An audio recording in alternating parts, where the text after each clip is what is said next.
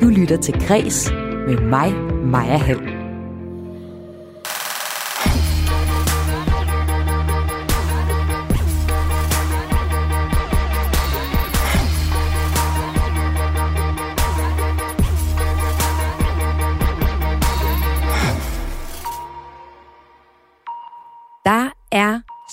Skimmelsvamp på rigtig mange af de danske museer. For for den.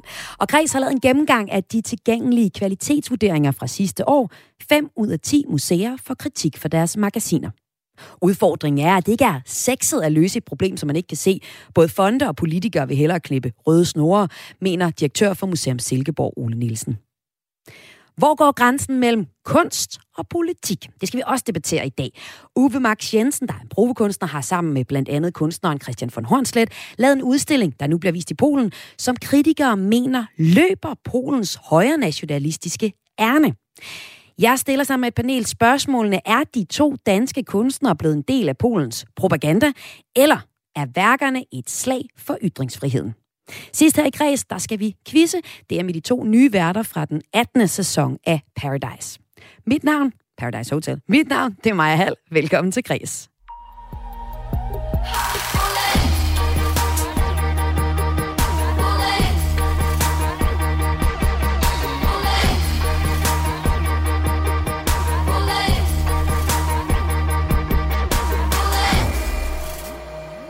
Og jeg starter udsendelsen i dag med en debat om, hvor grænsen går mellem kunst og politik. Debatten den udspringer af en dansk optræden i Polen. Black Lives Matter! Black Lives Matter! Black Lives Matter! Ja, det vi hører her, det er øh, Uwe Mark Jensen, der udfører en øh, kunstnerisk performance med hjælp fra en anden dansk kunstner, Christian von Hornslet. Og øh, det gør han som en del af udstillingen på Polens førende museum for samtidskunst i Warszawa.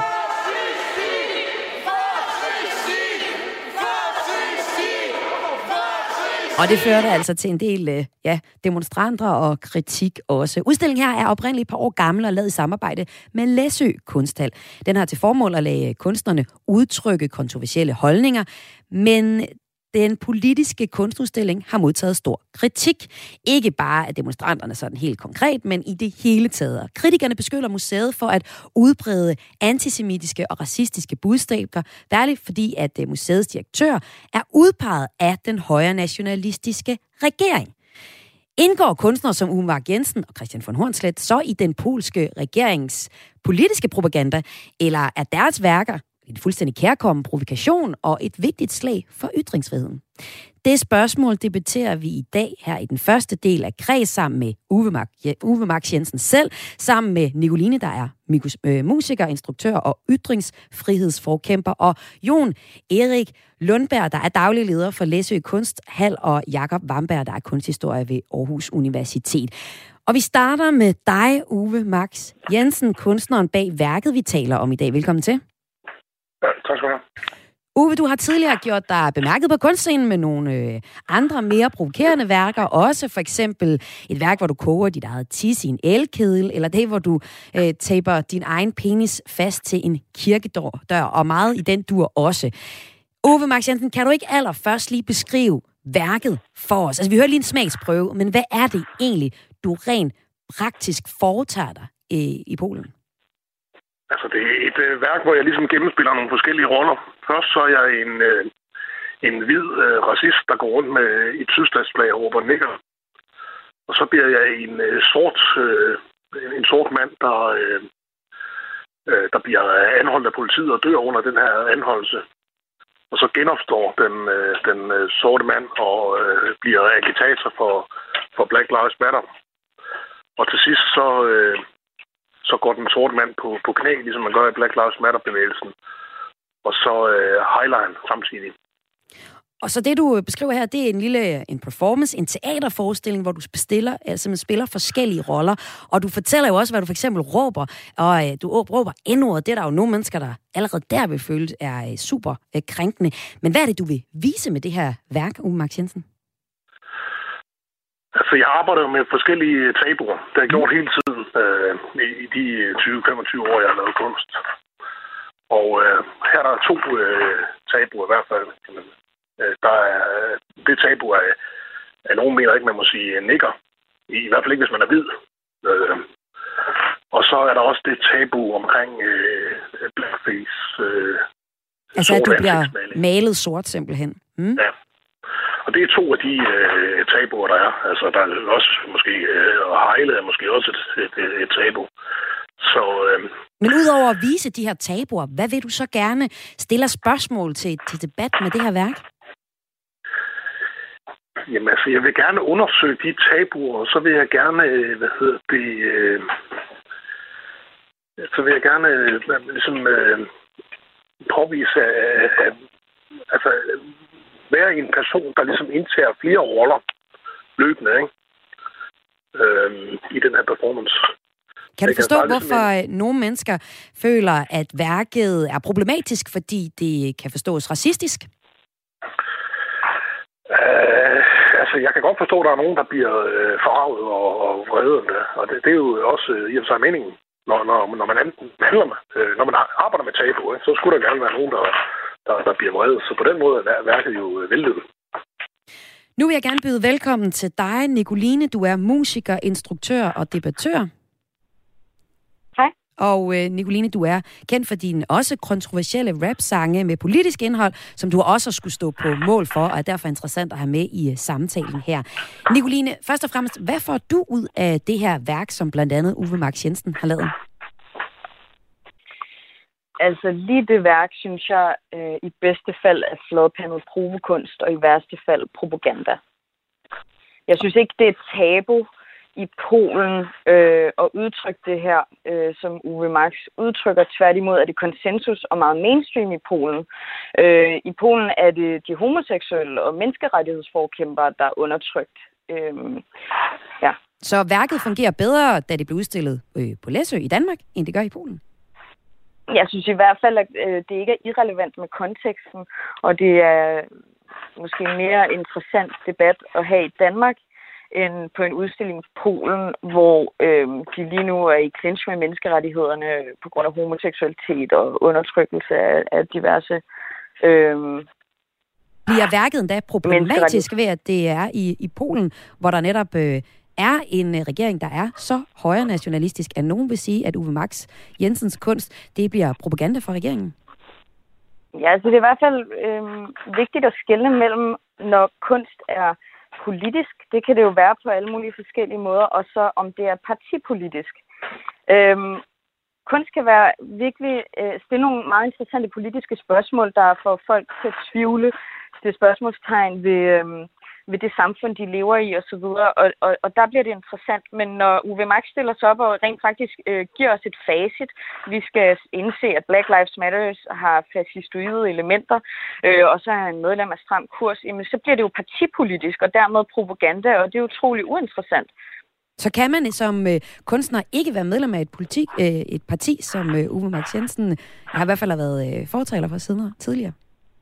Eller det kan du det. sikkert, men altså, mm. det, det er ikke særlig kunstnerisk at ville give folk et facit. Altså, et kunstværk skal jo netop få øh, lytteren, seeren og så videre til at, at, at konfrontere sig selv og stille spørgsmålstegn selv, blive i tvivl. Det er jo hele pointen, at vi rammer noget almen menneskeligt. Og en, øh, en rigtig kunstner vil aldrig stille sig op og give et facit. Du skal mene sådan og sådan. Det er jo netop det, der er definitionen på propaganda. Øh, og så har Uwe Marx jo heller ikke så godt tjek på, øh, hvad fascisme er, fordi det indeholder altid et element af nationalisme, som Black Lives Matters jo slet ikke har. Øh, men derimod er det jo en, en øh, kamp mod en meget veldokumenteret systematisk undertrykkelse af sorte i USA. Og øh, der, hvor det bliver virkelig en billig omgang, synes jeg, det er, at Uwe Marx hverken amerikaner eller sort. Og Uwe Marx Jensen, du skal selvfølgelig også lige øh, forholde jeg det, som Karoline siger. Jeg brugte ordet fascisme. Jeg brugte ordet øh, totalitarisme. Jeg synes, det bliver, som sagt, altså, jeg synes, det bliver en billig omgang, når, når Uwe, som hverken amerikaner eller sort, stiller sig op og råber nikker, nikker, nikker. Og det her med at, øh, at, at, at sige, at folk blev vrede, så derfor er det vellykket kunst. Altså, øh, det, det er jo ret let at gøre folk vrede, men spørgsmålet er, om du også får dem til at blive i tvivl. Øh, det er det andet element, der, der gør, at det bliver kunstnerisk, fordi folk bliver også vrede, hvis du øh, går hen og lægger en bag i deres køkken det vil jeg ikke kalde kunst. Uwe Max Jensen, Øh, kan du se, at der er øh, nogle rammer for, hvad der skal til for, at, øh, at kunsten egentlig skaber værdi, udover at skabe forarvelse, som øh, Nicoline siger her? Altså, jeg ved ikke, nu fik jeg ikke fat i det meste, det hun sagde, øh, fordi øh, altså, det, det er jo... Øh, altså, hun forholder sig fuldstændig øh, fordomsfuldt til værket. Altså, det, der er jo netop ikke noget facit i sådan et værk. Og det er jo netop ikke propaganda, fordi der er jo ikke nogen... Hvad, hvad for et facit skulle der være i sådan et værk? Nicoline? Jamen, det har han jo selv været ude at sige i politikken, og som han også sagde her i radioen, han har jo lige forklaret, hvad det går ud på, og hvorfor han gør, hvad han gør, osv., øh, i stedet for at, at lade os blive i tvivl. Øh, så jeg synes faktisk bare, at jeg forholder mig til akkurat det, som han påstår øh, er pointen med det her.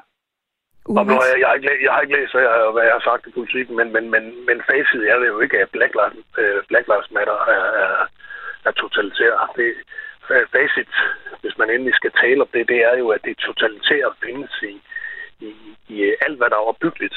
Der lurer det til totalitære. Og det, det er min pointe, men den er ikke, den er ikke koblet op på Black Lives Matter som sådan. Og det synes det, jeg også er en interessant nok uh, diskussion at have, men uh, det øh, havde måske været, øh, ja, det synes jeg i hvert fald ikke er vellykket her. Det kunne du så lave en kronik om, måske. Nej, fordi jeg ønsker netop ikke at lave en kronik, hvor man kan ligesom veje øh, argumenterne mod øh, andre argumenter. Jeg ønsker at lave et værk, som er mere, øh, altså som er sværere at få, få, få greb om. Øh, og det er jo det, der er forskellen på, på, på kunst og for eksempel en, en meningstilkendegivelse. Det er en meningstilkendegivelse, skal jo tit være borget af en eller anden form for, for, for logik, mens, øh, mens kunst kan være... Øh, så den kan, det kan være, den kan være mere diffus i, i, i det, den udsiger. Og, og blandt andet det her værk, det blev jo helt øh, anderledes end det. Eller i hvert fald blev noget anderledes, end, end, end, øh, end der var, planlagt, fordi øh, netop de her venstre-radikale øh, øh, demonstranter, de fik lov til at komme ind på museet, og, og der valgte de jo så at, at forstyrre, øh, skråstrej, interagere med værket, så det fik jo en lidt anden karakter, end den var, var tænkt fra, fra altså, ja, Ja, altså jeg synes, alle værker er nødt til at blive set i, i den kontekst, de foregår i. Og Nicoline, øhm, det er jo netop synes, det, vi skal til at tale mere om mm. nu, hvor de to næste gæster skal til at blive inviteret ind i samtalen. Nu vi taler om den helt konkrete historie, og Nicoline, du bliver mm. hængende i, i samtalen her. Øh, men Uwe Max Jensen, vi siger farvel til dig. Et sidste afsluttende spørgsmål til dig. Der kunne jeg dog godt tænke mig at høre, nu skal vi til at tale om, om øh, nu har vi talt om, om det øh, værk, du har været bidraget med øh, til, som er blevet vist her i, i Polen, om det er øh, vigtig kunst. Nu skal vi tage og tale om, det også er politisk propaganda. Kan du forstå, at der er nogen, der kan se en direkte sammenhæng mellem øh, det, du det værk, du har beskrevet, du laver, og så øh, den politiske dagsorden i øh, Polen lige nu?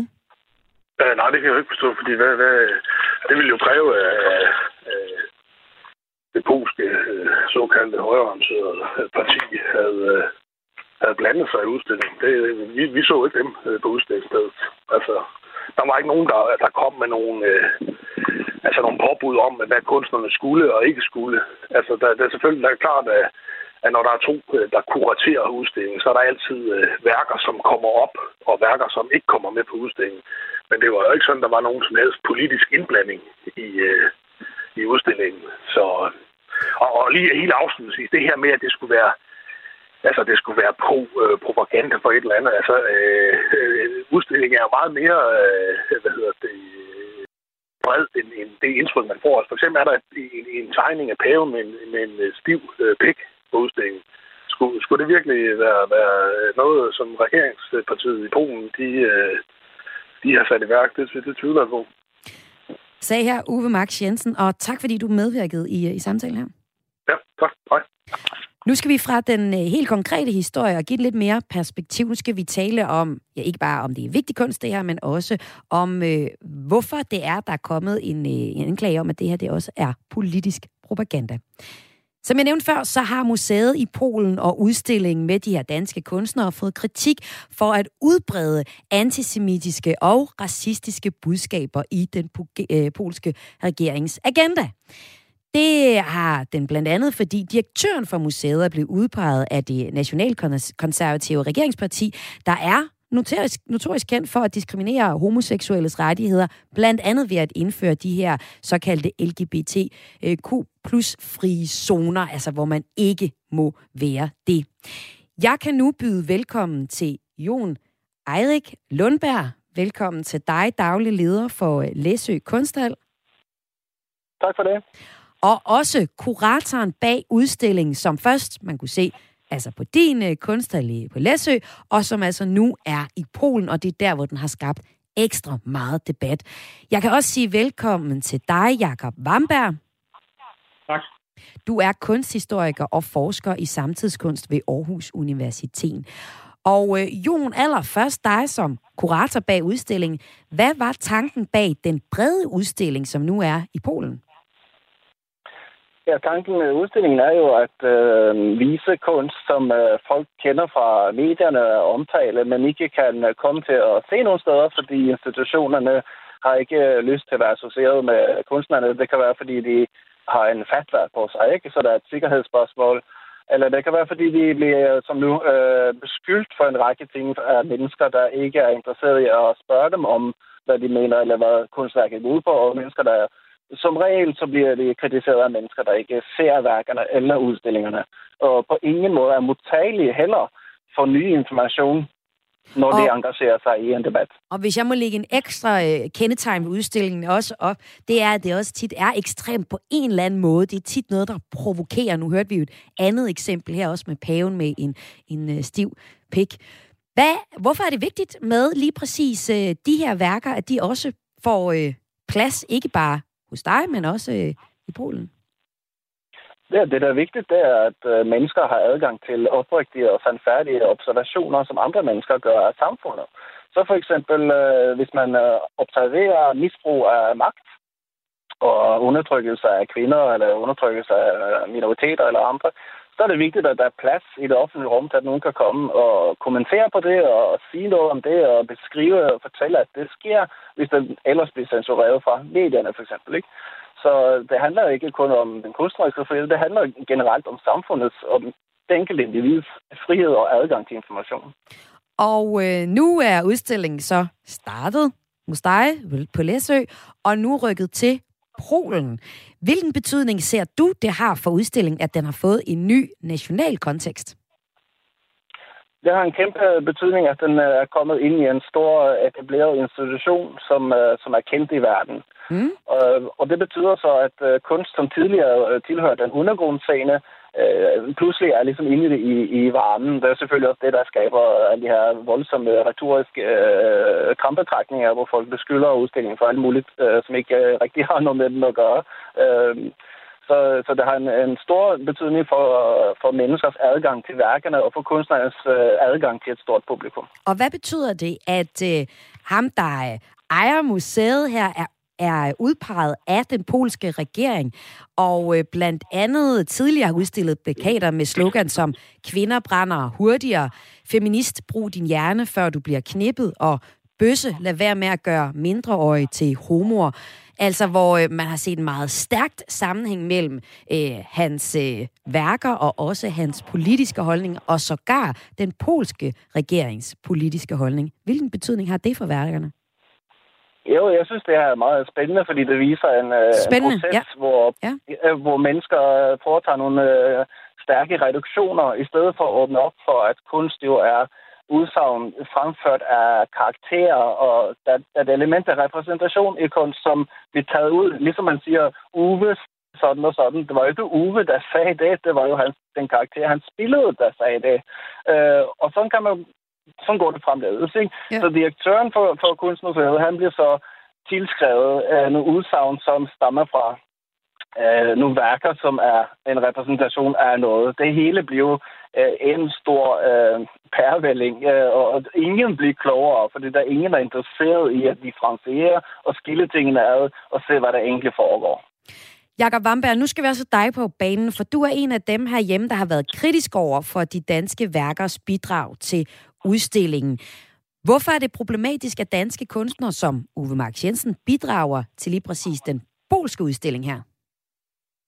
Det er det jo, fordi øhm, direktøren for øhm, det her Jastovski øhm, slot, øh, Pietro Banatovic, han er, han er øhm, direkte udpeget af denne her højre nationalistiske regering, øh, Lov- og Ordenpartiet. Og det vil sige, at alt, hvad der udstilles i den her kontekst, er allerede indlejret i en meget sådan nationalistisk øh, højrevendt kontekst.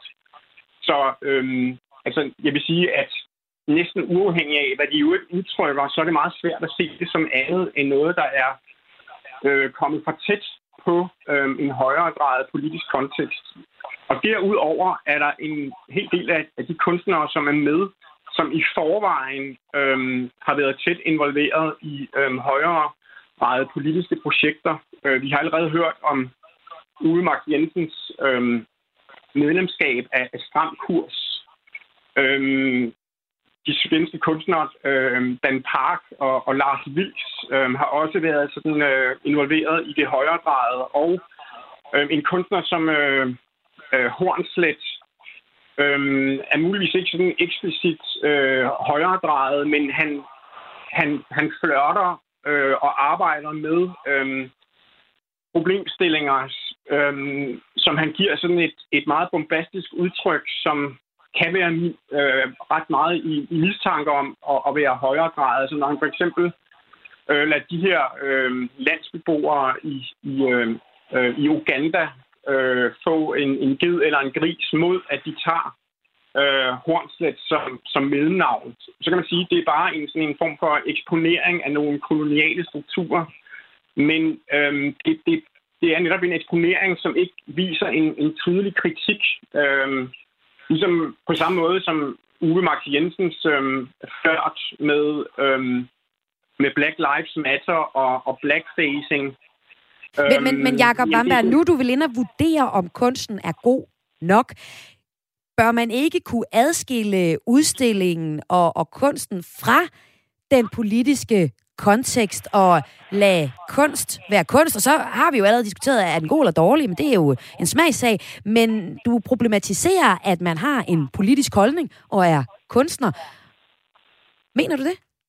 Øh, ja, ja, jeg, jeg mener, at det, det er problematisk, når det i øvrigt er sat ind i en, øh, grad øh, udstillingskontekst, og der på udstillingen heller ikke er tydelige modeksempler på andre politiske holdninger, hvor jeg har svært ved at se, der er. Så hvis der var en meget venstredrejet kunstner, der også lavede et værk, som var meget venstredrejet i uh, dets udtryk, så var det mere okay? Ville være lidt mere okay, men ja. jeg ville mene, at øh, enhver kunstner med respekt for sig selv burde øh, tænke sig grundigt om, øh, inden vedkommende udstillede i den her kontekst. Øhm, det er ligesom, når Bjarke Engels mødes med øhm, den højredrejede brasilianske præsident Bolsonaro. Øhm, så vil jeg sige, det, det skulle han nok øh, betænke sig på at gøre, fordi det er bare ikke heldigt, uanset hvad man jo ikke står for. Og øh, Jon Eirik Lundberg, inden at du øh, må øh, få lov at reagere på den her kritik, så skal jeg også lige høre dig, Nicoline. Vi har stadig dig med. Du er øh, musiker og har selv lavet politiske tekster, som øh, har været i vælten, og som man skulle... Jeg skruer lige en lille smule ned for Jakob Vamberg, fordi der er lidt ekko på dig, Jakob. Men øh, Nicoline, dig kan vi garanteret høre klart og tydeligt. Hvordan forholder du dig til kritikken af, af udstillingen? Er du enig med Vambergs øh, pointer her? Altså, øh, jeg synes ikke, udstillingen udfordrer magten. Tværtimod er der en direkte forbindelse mellem den totalitære polske regering og museet. Og, øh, og jeg er heller ikke enig i, at, øh, at, kunsten, at det vil være mere interessant af nødvendigvis, at der kom en, en meget venstreorienteret kunstner. Tværtimod synes jeg netop, at kunst bliver utrolig kedelig, når der er en tydelig venstreorienteret eller højreorienteret øh, øh, ligesom, øh, meddelelse ja, i ja, kunsten. Ja. ja det vil være mere... Ja, og, og, og man kan sige, jamen jeg er blevet inviteret både af kunstnere øh, som Vilks og Dan Park og andre til at deltage i øh, forskellige øh, happenings og events, øh, ligesom jeg er blevet inviteret øh, til enhedslistens øh, forskellige events og koncerter og alt muligt. Og det, der er med, med, med mit indhold, ja, det er politisk, men der er jo ikke nogen, der kan finde ud af, om det er venstreorienteret eller højreorienteret, fordi det er ingen af delene, det er noget strukturelt. Og der begynder det at blive mere interessant, fordi du kan ikke placere det på, om det er venstreorienteret eller højreorienteret. Det er noget almenmenneskeligt, det er noget strukturelt, og der bliver det mere interessant, synes jeg. Øh, men altså, jeg er enig i, at på samme måde som vi debatterer øh, Katar og fodbold, øh, VM, øh, så, så er det også relevant, når vi ser, hvad der sker i Polen i forhold til det EU-land e og så videre, at vi forholder os til det. Og, øh, og altså, det er en relevant debat, det her med, om for eksempel kunst i Danmark er for venstreorienteret. Findes der et outlet for noget andet end det? Men altså, jeg, jeg tilhører måske de få, der synes, at kunst øh, kan være noget almindeligt menneskeligt, og, øh, og at det er røvkedeligt, når det bliver tydeligt venstreorienteret eller højreorienteret. Johan Eirik Lundberg, det bliver dig, der får det sidste ord i øh, debatten her. Og øh, ja, reaktion på, på samtalen her indtil øh, nu? Ja, det er jo ikke noget af det, der bliver sagt, der er observationer. Alt sammen er anklager og påstande. Det, der er interessant, det er, kunstneren Ai Weiwei, den kinesiske dissident, han siger, kunsten er altid uskyldig. Og hans far sad i øh, fangelejre i Kina under Mao, anklaget for at være højorienteret. Og en af kunstnerne i vores udstilling i Polen, han sidder i fængsel under Lukashenko. Han er anklaget for at være højreorienteret. Så den, der bruger termen højreorienteret, nu har vi også hørt den omkring at EU-land som øh, Polen ligesom skal være totalitært og så videre. Det er jo det, er det rene en ren digtning. Ikke? Det siger jo noget om, hvor uinformeret vi er i Danmark. Det er fint nok, så bliver vi opmærksom på det. Men altså, at køre rundt med den her jagt på alt, der er højorienteret, det har en lang tradition, og det har en lang totalitær tradition. Så jeg tror, at den, der har nogle holdninger til den her udstilling, så stærke holdninger, vi skylder lidt at tage dig ned og se det. Og det bliver det sidste ord i debatten her. Tak fordi I var med alle sammen, dem du hørte her den første halve time i kreds. Det var Uwe Max Jensen, der er billedkunstner, Nicoline, der er musikerinstruktør, ytringsfrihedsforkæmper, og Jon Eirik Lundberg, der er daglig leder for Læsø Kunsthal, som har haft den her udstilling med blandt andet Uwe Max Jensen, der nu er rykket til Polen. Og så var det Jakob Vamberg, der er kunsthistoriker ved Aarhus Universitet. Og tak til dem, at de deltog i debatten her i kreds i dag. Du lytter til Græs med mig, Maja Hall. Der er fundet skimmelsvamp i 130 lokaler på statsanerkendte museer i Danmark. Fy for Søren. Det øh, peger et endnu ikke færdiggjort phd projekt på. Det er lavet af Camilla Bastholm, som øh, man har kunnet læse om i bladet Danske Museer. Og øh, vi fortalte historien i sidste uge, der talte jeg med to museer, der døjer med skimmelsvamp i deres magasiner, og derfor også på deres genstande og blandt deres medarbejdere, der simpelthen får det dårligt, hvis de går ind i de her magasiner. En af dem, der fortalte om det, det var Museum Lolland Falster. Det kan være tekstiler, ja. det kan være læder, det kan være for eksempel sådan en god gammel øh, karet, hvor man både har træ og læder og stof. Men det sætter sig også i øh, på flint, øh, på vores arkeologiske samling. Øh, og det, øh, og det, når det bare sidder der, så øh, arbejder det jo mod kulturarven, kan man sige sagde her Ulla Schals, der er direktør ved Museum Lolland Falster. Falster også om de øh, genstande, som bliver øh, påvirket af det her skimmelsvampt. Vi skal høre fra politisk side, hvad man har tænkt sig at gøre, og hvad der er blevet gjort i sagen lille senere. Men først, så skal jeg tale med dig, Ole Nielsen, direktør hos, hos hmm, Museum Silkeborg. Velkommen til dig, Ole. Tak for det. I er et af de museer, der ikke har nogen problemer med jeres magasiner. I har nemlig bygget et nyt magasin. Hvorfor er det lykkes at skabe gode magasinforhold for, for jer, når så mange andre museer kæmper med det, Ole? Ole? Ui, der var du, Ole.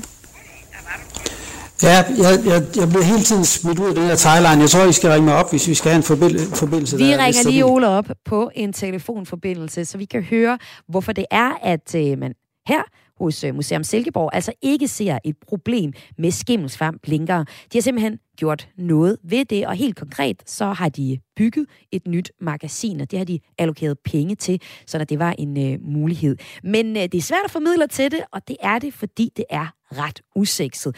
Det uh, kan du fortælle mere om. Nu er du med på en telefon, Ole Nielsen, direktør hos Museum Silkeborg. Hej igen. Hej. Prøv lige at fortælle, hvordan var tilstanden i magasinerne hos jer, inden I fik bygget nyt? Altså i 2013, der fik vi jo kritik fra Slots- og Kulturstyrelsen af, øh, hvordan vi opbevarede vores genstande. De mente, at, at over halvdelen af genstandene, de var ikke, de var ikke opbevaret på en ordentlig måde. Øh, så, så hvad hedder det, det har jo betydet, at vi har arbejdet med det øh, lige siden, altså for simpelthen at forbedre øh, for at forbedre øh, magasinforholdene. Og i sidste ende har vi været nødt til at, øh, og hvad hedder det, at bygge, eller rettere sagt købe en bygning, som vi har indrettet til, øh, til magasin. Øh, så nu er vi ved at være så nu er vi ved at være, hvad hedder det, så langt, at øh, vi er ved at... Oh, hallo? Ja, hallo? Der er her. Jeg kan høre dig klart og tydeligt. Ole? Yes. Ja. Nu er I ved at være så langt, at I kan have jeres øh, værker et godt sted. Mm. Ole Nielsen, er du faldet af ja. igen? Ja, nu har vi det igen. Ja, Åh, det er godt. Det, det er godt. der lige blandede sig. Nå, nå, nå, nå, nå. Det skal ikke ja, blande sig. Nu har vi dig bare på telefon, Ole Nielsen, altså direktør ja. Museum Silkeborg. Var det øh, nemt for jer at bare øh, sætte nogle penge af til at bygge et nyt magasin, hvor I kunne have jeres genstande? Nej, man kan sige, at det var lidt vores held, at vi, at vi havde haft mulighed for over en længere periode at, spare lidt op, så, så, hvad hedder det, så vi faktisk kunne gøre det.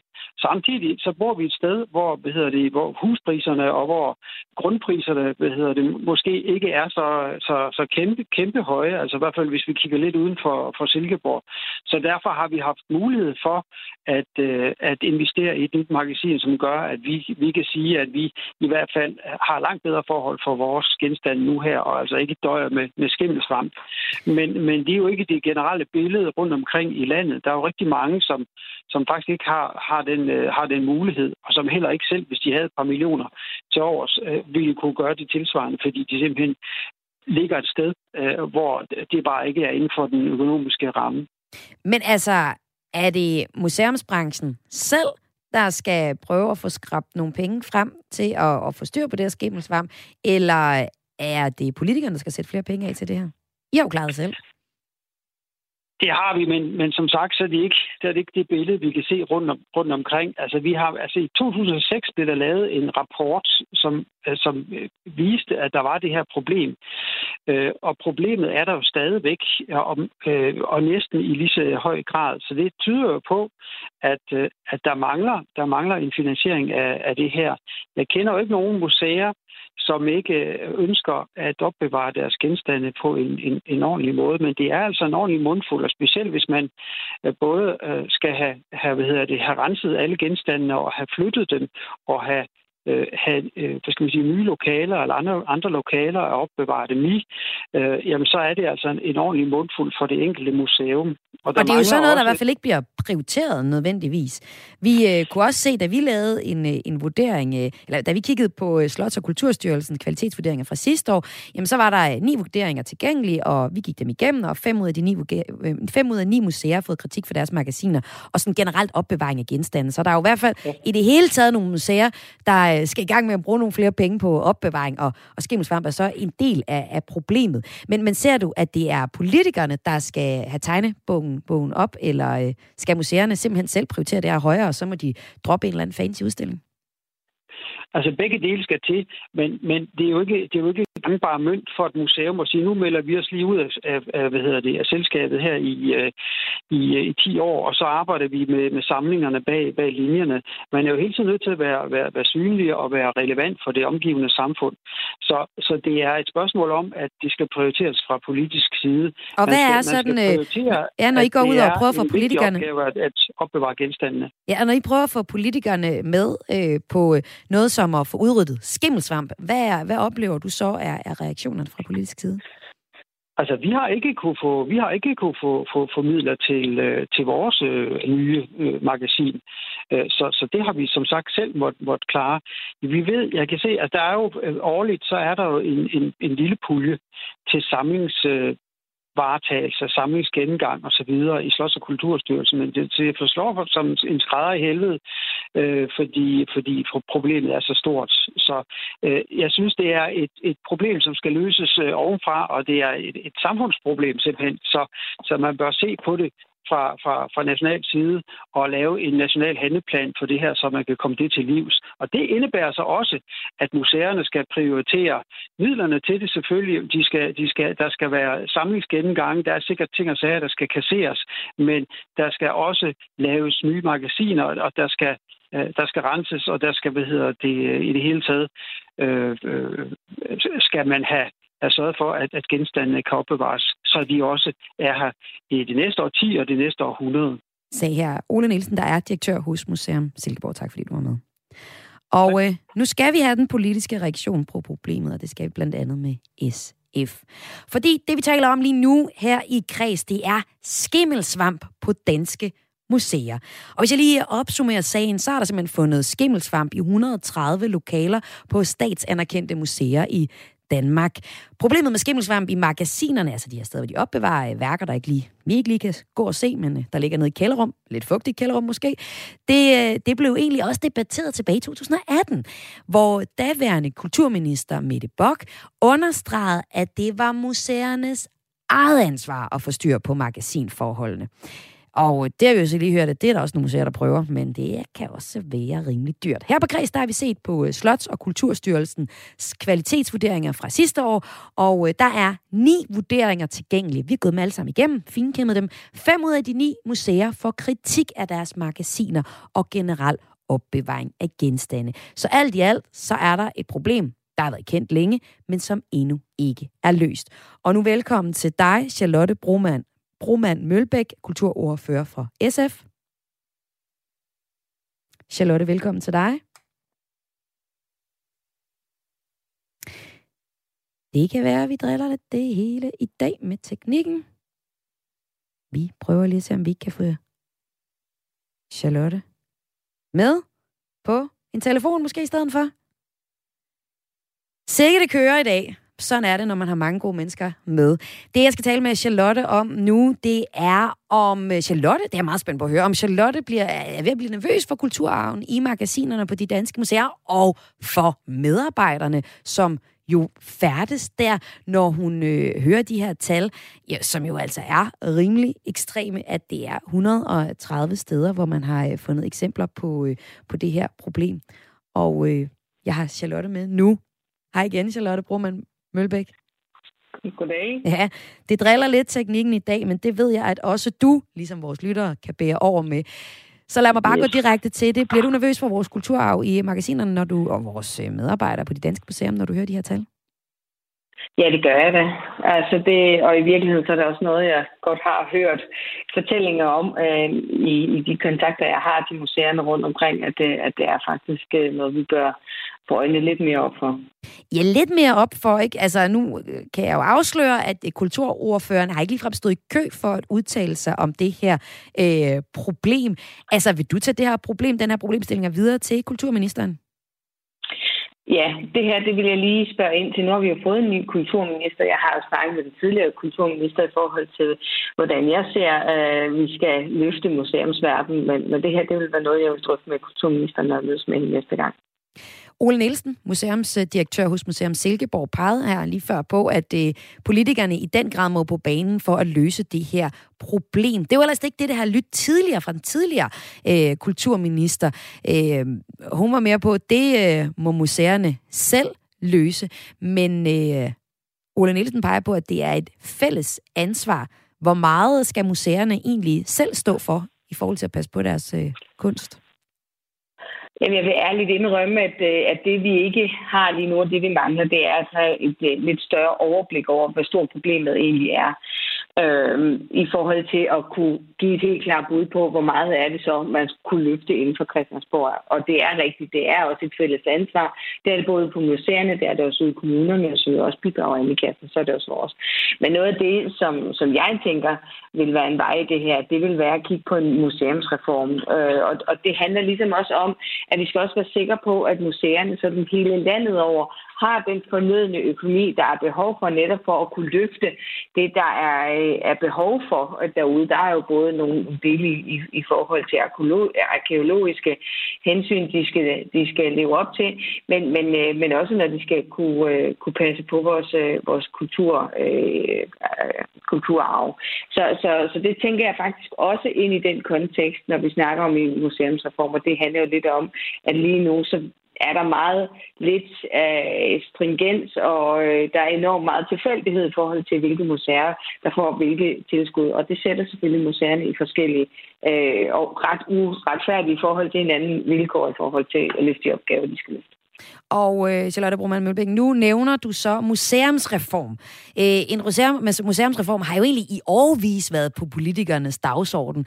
Øh, der bliver sagt, at det nuværende støttesystem er forældet, og det er ikke rigtigt til at gennemskue, hvad, hvor man, hvad man kan søge til hvad, og man skal søge til nogle... For, ja, det bliver noget rod for nogle af dem, der i hvert fald skal søge.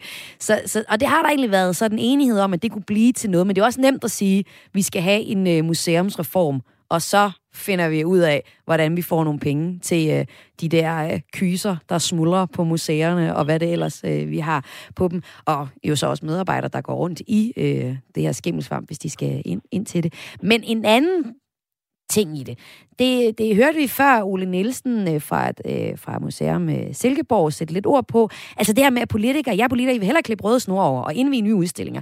Altså det er ligesom ikke sexet at gøre noget ved noget, som, som der ikke er nogen, der kan se ligesom skimmelsvamp. Øh, vil du give mig ret i, at det også er en del af problemet? Jamen, jeg kan da godt forstå, at, at det er sådan, man oplever det. Og jeg synes da også, at det er brændærgerligt, at vi ikke kommer ind på en, en lidt mere øh, politisk visionær bane, når det gælder øh, museerne. Altså, øh, jeg synes at vi, vi, vi, vi skylder museerne øh, her i Danmark også, og, og på en eller anden måde også at slå fast, hvad er det, vi vil med museumsverden? Og, og ligesom på den måde gå ind og sige, jamen altså, vi, vi, der er faktisk noget, vi rigtig gerne vil, og der er noget, vi synes, der er vigtigt. Og derfor bliver vi også nødt til at skal have et system. Jeg ved godt, at vender tilbage til det igen, jeg synes, tingene hænger sammen. Mm. At, at have et system, så, så økonomien ligesom hænger sammen til de opgaver, de rent faktisk har. Og det er bare et meget, meget brudet billede derude. Og der er altså virkelig meget forskellige forudsætninger for, hvordan man kan, kan leve op til de her ting.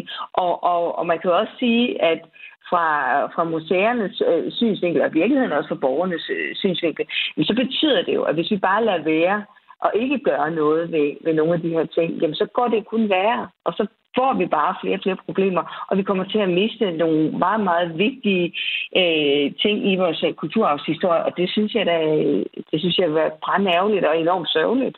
Så her Charlotte Brumann Mølbæk, kulturordfører for SF. Og øh, i sidste uge, der var vi også inde på den her historie, der talte jeg museer, med museerne i Roskilde Lejre og Frederikssund samt Lolland Falster Museum, som begge har seriøse problemer med skimmelsvamp. Det er et problem, fortæller de både for kulturarven og arbejdsmiljø for medarbejderne. Og på det her tidspunkt, da jeg talte med dem, der, der pegede de på, at de ikke selv har økonomi øh, nok til at prioritere området, og at der derudover heller ikke er nok viden på øh, området, sådan at det egentlig giver mening øh, for dem at sætte ind i nu. Du lytter til Græs med mig, Maja Hall. I dag, i aften, har den 18. sæson af TV3's reality-program Paradise Hotel premiere. Det er for første gang siden sæson 3 i 2007, at det ikke er Rikke Gør Anson, der byder velkommen inde på det meksikanske luksushotel. Det er i stedet dig, Emil Olsen. Velkommen til. Jo, tak. Og det er også dig, Olivia Salo. Velkommen også til dig. Ja, jeg tror, øh, jeg ved ikke om øh, det Olivia, hun er her. Det er kun mig, du får lige nu. Nå, jamen, øh, jeg skulle da vist have en Olivia på hallo? en telefon også. Nå, hun er, hun er der. Ja, hallo Olivia. Hej. Hej, hej Olivia. Hej. Godt Nå, nok. Rolig, jeg er på med på en telefon. Nå, okay. Ej, hvor dejligt.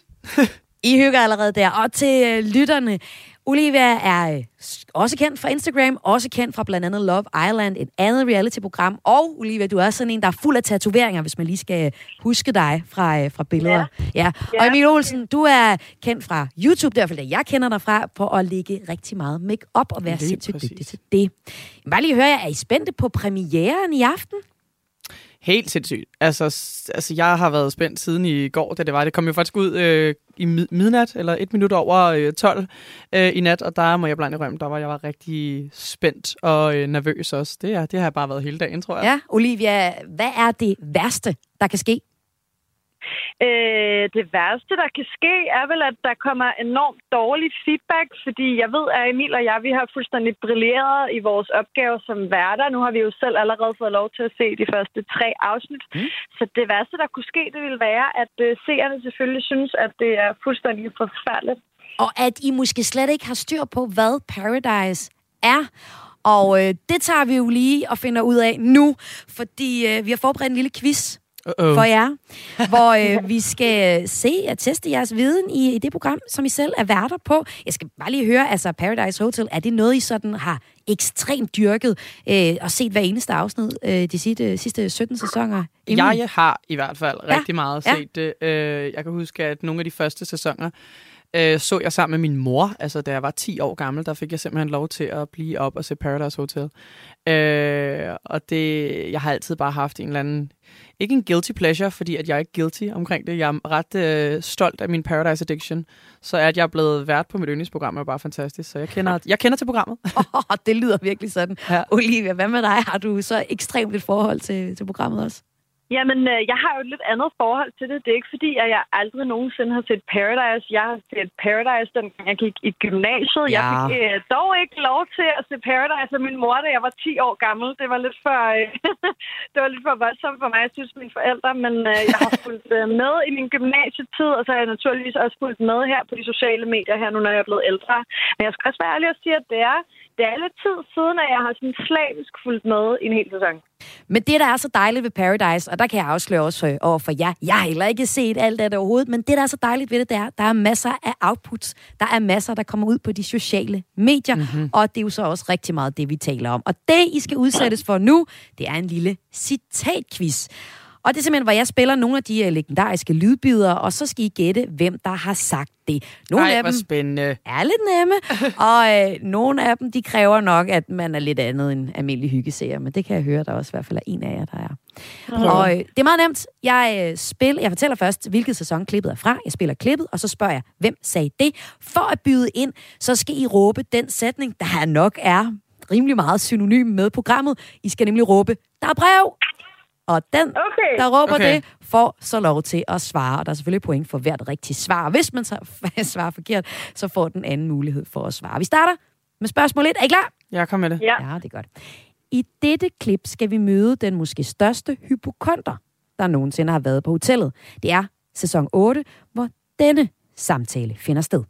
Kan du huske, at vi fik at vide, at der var en, et insekt, som bider ind i toget, og så, så et så en knogler.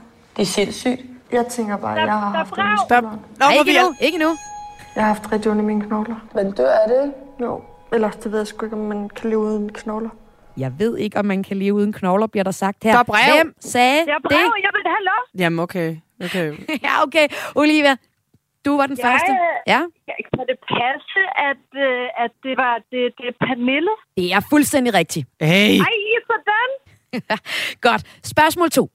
Og I må altså først svare, når jeg har sagt, hvem sagde det? Er det ja. om? Okay. Ja. I dette klip skal vi møde en af de største scorekarle, der har været med i programmet. Noget, der måske kan ja, komme tilbage og bide en lidt i bagdelingen, når man så tjekker ind på hotellet i sæson 5. Første tanke, der falder mig ind, da jeg ser pigerne, det er bare, fuck, hvad sker der her? Er det tilfældigt, at der står fem piger, som jeg har været sammen med? er der nogen, du kender her? Kender dem alle sammen. ja, er det ikke uh, tilfældigt, at der står fem, fire, fem piger her, som jeg har været sammen med? Det var ikke tilfældigt, men hvem sagde der er det? brev. Det er brev. Der er brev. Emil, klart Emil. Prøv at høre, det er Mads Glæger, hvor han tjekker ind, og nu, for, jeg ved ikke, om det giver bonus, men hvor han tjekker ind, og han har øh, hygget sig med de fem indtjekkende piger. Så kommer han ind, og så står de altså foran ham. Amen. Det er og det er the rigtigt. total gag of the season. det er fuldstændig rigtigt, og der står 1-1 nu her i vores uh, citatquiz i uh, Paradise. Det er nogle lette nogen, du har fået. Nå, ja, ja, men det er godt. Så må vi se, at jeg skal svare på det her. Spørgsmål 3. Nu skal vi til en lidt senere sæson, nemlig sæson 12, hvor en af de kvindelige deltagere har uh, denne her analyse af en rival. Tilla virker bare ikke som den klogeste pige i skabet. Øhm, nej, det hedder skuffen. Hvem sagde det? Øh, der er brev. Emil igen? Det siger Karoline. Det er fuldstændig rigtigt. Nå, hvad så? Altså, jeg hørte jo en, der var lidt bekymret til at starte med her, Olivia. Hvordan, øh, er det okay med spørgsmålene? Øh, altså, jeg har da vist to ud af tre Jamen, det er rigtigt, det er rigtigt. Det var bare Emil, der var hurtigst. Og Emil er jo bare helt overlegen. Øh, det er ja, super ja, nemt. Ja, ja, men det vidste jeg godt. Jeg vidste udmærket, at han nok ville ja. vinde den her. Ja, men jeg, jeg, er, jeg er en stolt Paradise-fan. Men der, altså, der er flere spørgsmål. Der er flere spørgsmål. Det er godt. Og, og, og. Vi har uh, stadig lige et par nu i hvert fald. Godt. Godt. Spørgsmål 4. På Paradise, på Paradise Hotel Opstar står der tit et fælles sprog blandt deltagerne. Nu gælder det sæson 9, hvor deltagerne fik skabt et nyt fælles udtryk for selve kærlighedsakten mm. mellem mand og kvinde. Det er kakkelej, det er. Jeg elsker kakkelej. Det er kakkelej. Jeg elsker kakkelej. Hvem sagde det? Der er brev. Emil. Det gjorde øh, Stolle og Ras, ham den gamle og Stolle. Hedder det ikke det? Rasmus og Stolle? Stolle er det korrekte svar, og det godtager vi også. Det er det Ui! Uh-oh. Nå. Jeg kan huske den sæson. Nu gælder det, altså det kan jeg bare sige, altså selvom man aldrig nogensinde har set Paradise, så øh, er jeg bange på, at man kan svare på det her. Nu skal I dele med være hurtige. Okay. Fordi nu gælder det en uh, Paradise Evergreen. Vi skal til sæson 6. Stina, kan du så godt lide at gå rundt og klæde dig ud som en russisk roulette? Jeg ved hvad russisk roulette er.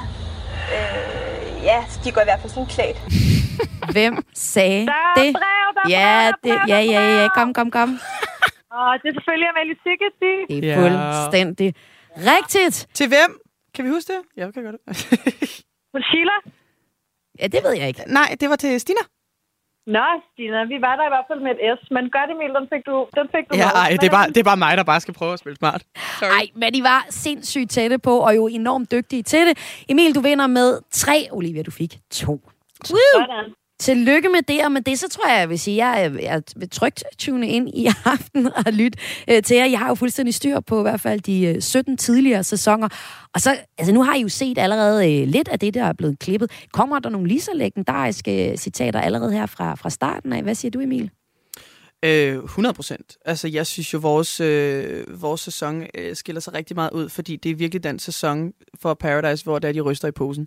Og vores øh, gæster er så øh, fantastiske. Altså, jeg synes simpelthen, de er så skønne mennesker øh, hver især. Øh, Olivia, har du allerede nu øh, hørt øh, et citat eller to, der godt øh, kunne få lidt øh, vind i sejlene på øh, de sociale medier?